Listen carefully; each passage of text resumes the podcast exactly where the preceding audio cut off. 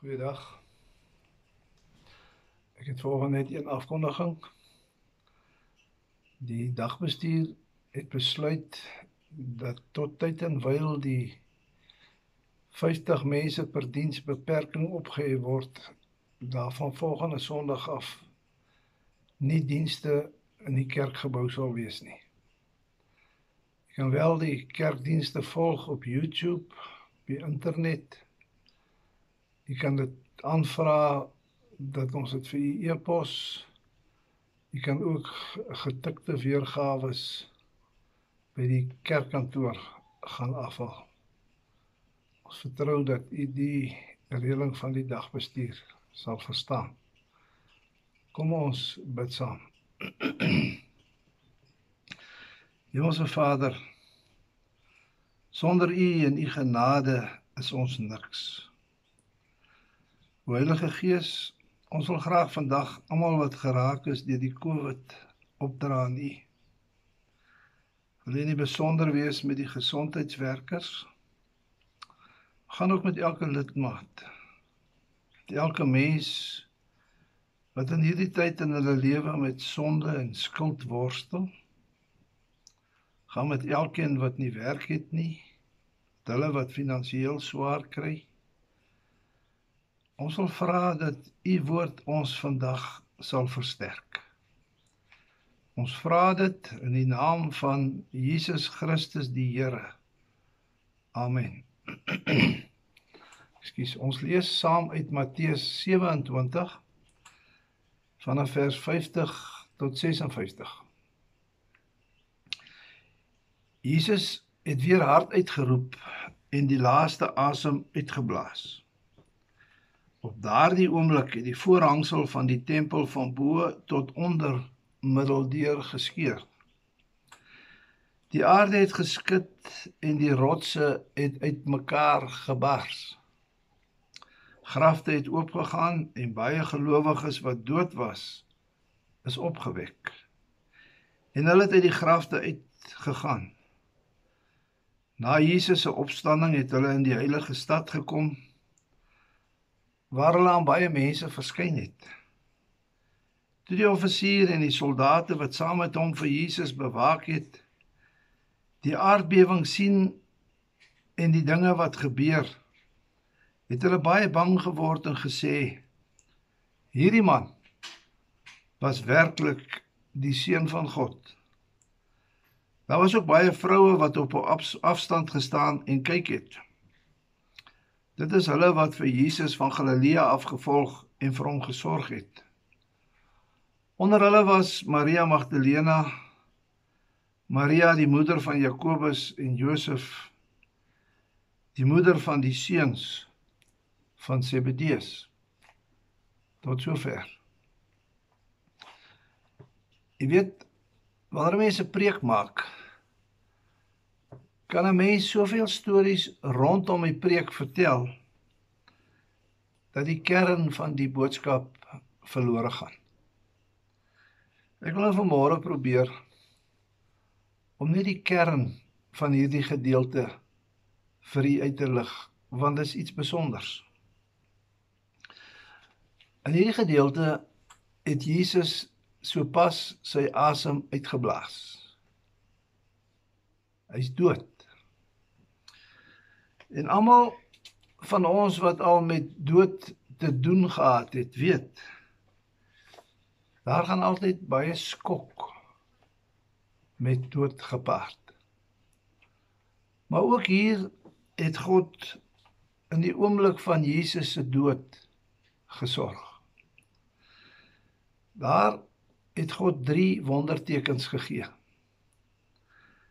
Die drie tekens vind ons in Matteus 27 vers 51 tot 53. Terwyl vers 54 tot 56 vertel van mense wat getuie was van die gebeure se reaksie. Die eerste ding wat gebeur het toe Jesus sterf, was dat die voorhangsel van die tempel van bo na onder middeldeur geskeur het. Hoekom het die voorhangsel wat die skeiding was tussen die heilige en die allerheiligste in die tempel juis van bo na onder middeldeur geskeur. Dus omdat die inisiatief van die gebeure wat daar plaasvind van God self uitgegaan het. Die allerheiligste was 'n afgesonderde deel in die tempel waar die ark van die verbond gestaan het. Die ark van die verbond het die heerlikheid die teenwoordigheid maar ook die heiligheid van God daar by sy volk vergestel. Die allerheiligste was so heilig dat net die hoofpriester een keer per jaar op die groot versoendag daar kon ingaan nadat hy eers gereinig is. Op die dag het hy dan die bloed van die bulle en die bokke en die lamme wat die mens lammers wat die mense gebring het om geoffer te word, het hy dit gevat en daarmee agter die voorhangsel in die allerheiligste ingegaan om op die ark van die verbond 'n offer te bring namens die volk. Die bloed is geoffer vir die sonde van die volk en die priesters. Sonder die bloed wat geoffer is, was daar geen verzoening vir hulle sonde nie die voorhangsel het die sondige mens geskei van die absolute heiligheid van God. En daarom kon die hoofpriester net eenmal 'n jaar ook daarin gaan. En nooit sonder bloed nie. So heilig is God. En so onheilig is die mens in sy sondigheid. Maar Jesus het egter gekom en alles verander. Die oomblik toe hy aan die kruis sterf, het die voorhangsel van bo na onder middeldeur geskeur. En dit gebeur so omdat dit God is wat hier werk. Die wegneem van die skeiding tussen die heilige en die allerheilige is deur Jesus se versoeningsdood moontlik gemaak. Elkeen wat nou die versoening wat Jesus Christus met God bewerk het aanneem, kan nou in die teenwoordigheid van God kom. En dis moontlik deur die bloed van Jesus Christus aan die kruis. Daardie bloed bedek nou die sonde van die gelowige. Deur Jesus se versoeningsdaad is elkeen van ons wat glo nou geheilig in God se oë. Het God opgehou om absoluut heilig te wees? Nee. Daarom kan ons net in Christus in God se heilige teenwoordigheid kom. Hebreërs 10 vers 17 tot 22 verduidelik mooi wat met Jesus Christus aan die kruis gebeur het. En dit sê dit beter as wat ek dit kan verduidelik. God sê daar aan die gelowige: Aan julle sondes en aan julle oortredings sal ek nooit meer dink nie. Waar die sondes vergewe is, is geen offer daarvoor meer nodig nie. Ek weet nie of jy dalk in die lewe van jou lewe op hierdie stadium met sonde en skuld worstel nie. Hoor weer wat sê vers 17 en 18. God sê: Aan julle sondes en julle oortredings sal ek nooit weer dink nie. Waar die sonde vergewe is, is geen offer daarvoor meer nodig nie.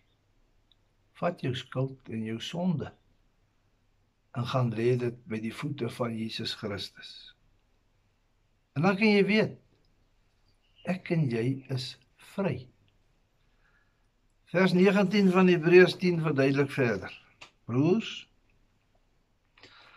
ons is dus nou deur die bloed van Jesus, ons het nou deur die bloed van Jesus vrye toegang tot die heiligdom. En dit op 'n weg wat nuut is en na die lewe lei. Hierdie weg het hy vir ons gebaan deur die voorhangsel heen. Dit is deur sy liggaam. En terwyl ons hom ook as groot hoëpriester oor die huis van God het, laat ons tot God nader met 'n opregte hart en met volle geloofsekerheid. Ons harte is immers gereinig van 'n skuldige gewete en ons liggame is gewas met skoon water. In die Ou Testament kon 'n gewone mens nie tot God nader nie. Maar Christus het alles verander. Deur sy bloed ek en jy vrye toegang tot God. Die skeur van die voorhangsel is ook 'n bewys dat God aanvaar het dat Jesus Christus vir ons reggemaak het.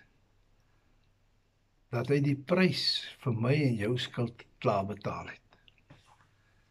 Dis al manier hoe ek en jy gered is. Die tweede teken wat gebeur toe Jesus sterf is dat die aarde geskit het en die rotse uitmekaar gebars het. Toe God op die berg Sinai die wet aan Moses gegee het, het die berg ook geskit. In Eksodus 19 vers 18 lees ons Die hele Sinai berg het begin rook toe die Here in die vuur daarin afkom. Die rook het opgetrek soos die rook van 'n oond. En die hele berg het ook geweldig geskit. Hoekom het die berg geskit? Dit het geskit omdat God op 'n besondere manier teenwoordig was en aan die werk was. Hier in Matteus skud die aarde weer. Hoekom? Want God is besig om 'n baie besondere daad vir die mensdom te verrig. met Jesus se sterwe aan die kruis het daar verlossing gekom vir die wat hom as verlosser aanneem. Jesus Christus was self die offer vir die sondige mensdom.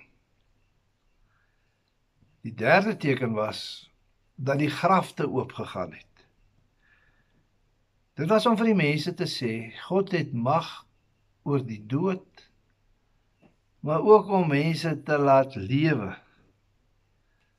Jesus sou op die derde dag opstaan uit die dood. En daarom sal ons ook opstaan uit die dood. Vers 54 tot 56 verwys hoe die gebeure die mense geraak het. Die eerste reaksie is die van die offisier en die soldate by hom. Vers 54 sê toe hulle die aardbewing sien en die dinge wat gebeur, het hulle baie bang geword en gesê: "Hierdie man was werklik die seun van God." Hierdie offisier word in Engels 'n centurion genoem. Dis Latyns vir 'n 100. Hierdie offisier sou 100 man onder sy bevel gehad het. Hulle het vir Jesus bewaak. Heel moontlik het hulle hom ook bewaak toe Pilatus hom verhoor het. Hulle sou die aanklagte teen Jesus gehoor het. Hulle sou ook gehoor het dat Pilatus gesê het ek vind geen skuld in hierdie man nie. Hulle het ook 'n gesprek gehoor tussen Jesus en Pilatus oor of hy die koning van die Jode was. So ook die skrete van die skare gehoor het van kruisig hom, kruisig hom. En hulle sou nie die rede verstaan het hoekom die mense hom so gehaat het nie. Hulle sou ook nie die aanklag of hulle sou die aanklag van die Jode gehoor het dat Jesus gesê het hy is die seun van God. Maar dit sou hulle nie regtig geraak het nie. Maar toe die 4de uur van Jesus aan die kruis aanbreek, sou hulle gesindheid verander het. Die skielike donker van die 3 ure sou hulle baie onrustig gestem het. Maar toe hulle die aardbewing voel, En alles sien wat daar gebeur het, hulle baie bang geword om die waarheid te sê, die Griek sê hulle het beangs geword. Maar hulle het nie net beangs geword nie. Hulle het 'n aanvoeling gehad dat daar een of ander goddelike gebeure agter alles sit. 'n Bonatuurlike krag. En toe het hulle emosionele angs verander in nederige verwondering. Hoekom sê ek so? Die soldate en die offisiere en die soldate en hulle offisiere het nie weggehardloop om skuilings te gaan soekie. Hulle het verklaar hierdie man was werklik die seun van God. Hulle het besef Jesus is wie hy gesê het hy is. Ek vond nogal baie keer watter angs die mense sal belewe wat nie glo nie wanneer Jesus weer kom nie. In Lukas 23 vers 30 het Jesus voorspel op daardie dag sal hulle vir die berge sê val op ons en vir die heuwels bedek ons dan gaan die gelowiges nie meer 'n kans hê om reg te maak nie. Die ongelowiges gaan nie 'n kans hê nie. Maar in angs gaan hulle uitroep Jesus Christus is werklik die seun van God. En ek en jy Jesus het gesterf en opgestaan. Sodat ek en jy wat glo met vreugde ons dood en ook die wederkoms tegemoet kan gaan. Ons weet Jesus Christus is die Here. Hy's ons Here.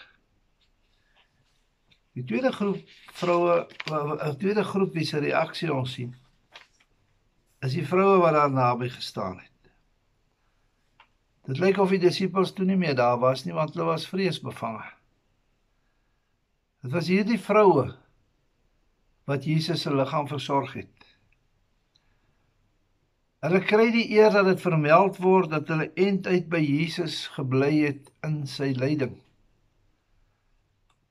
Hulle was simpatiek en lojaal. Hulle was nie bang vir die soldate of vir die Jode nie. Hulle was nie skaam of bang om met Jesus Christus geïdentifiseer te word nie. Hulle smart was groot. En hulle hoop was verpletter. Maar hulle moed was nie gebreek nie. Wie was sterk? Die vroue. Die wondertekens by Jesus se lyding en sterwe is om ons te laat verstaan dat die seun van God die enigste hoop is vir 'n verlore wêreld. En daarom kan ons as gelowiges in die woorde van Hebreërs 14 vers 16 4 vers 16 Ekskuus Hebreërs 4 vers 16 sê Kom ons gaan met vrymoedigheid na die genade troon. Sodat ons barmhartigheid en genade ontvang en so op die regte tyd gered kan word. Amen. Kom ons bid saam. Hemelse Vader, baie dankie dat U deur U seun Jesus Christus dit vir ons moontlik gemaak het om U Vader te mag noem. Dankie dat ons nie vir U hoef bang te wees nie. Omdat Jesus se bloed ons in U oë geheilig het. Dankie dat die wete dat die skuld wat ons voor U het van ons weggestroop is sodat ons waarlik vry kan wees daarvan. O Heilige Gees, help ons dat die werklikheid van Jesus Christus en wat hy vir ons bewerk het aan die kruis tot ons sal deurdring. Gee dat ons met vreugde en vrede as vrygemaakte kinders van U sal lewe. Mag gee ook dat ons vreugde en vrede ander sal aanraak. Dankie dat ons met vrymoedigheid tot U mag nader en kan vra wat ons nodig het. Dit terwyl hy soveel meer gee as wat ons voorvra. Sorteer asseblief die COVID pandemie vir ons uit sodat ons weer normaal kan lewe. Ons vra dit in die naam van Jesus Christus die Here. Amen. Mag die genade van die Here Jesus Christus die liefde van God ons Vader en die troos en die gemeenskap van die Heilige Gees met u elkeen wees. Amen. Mooi dag.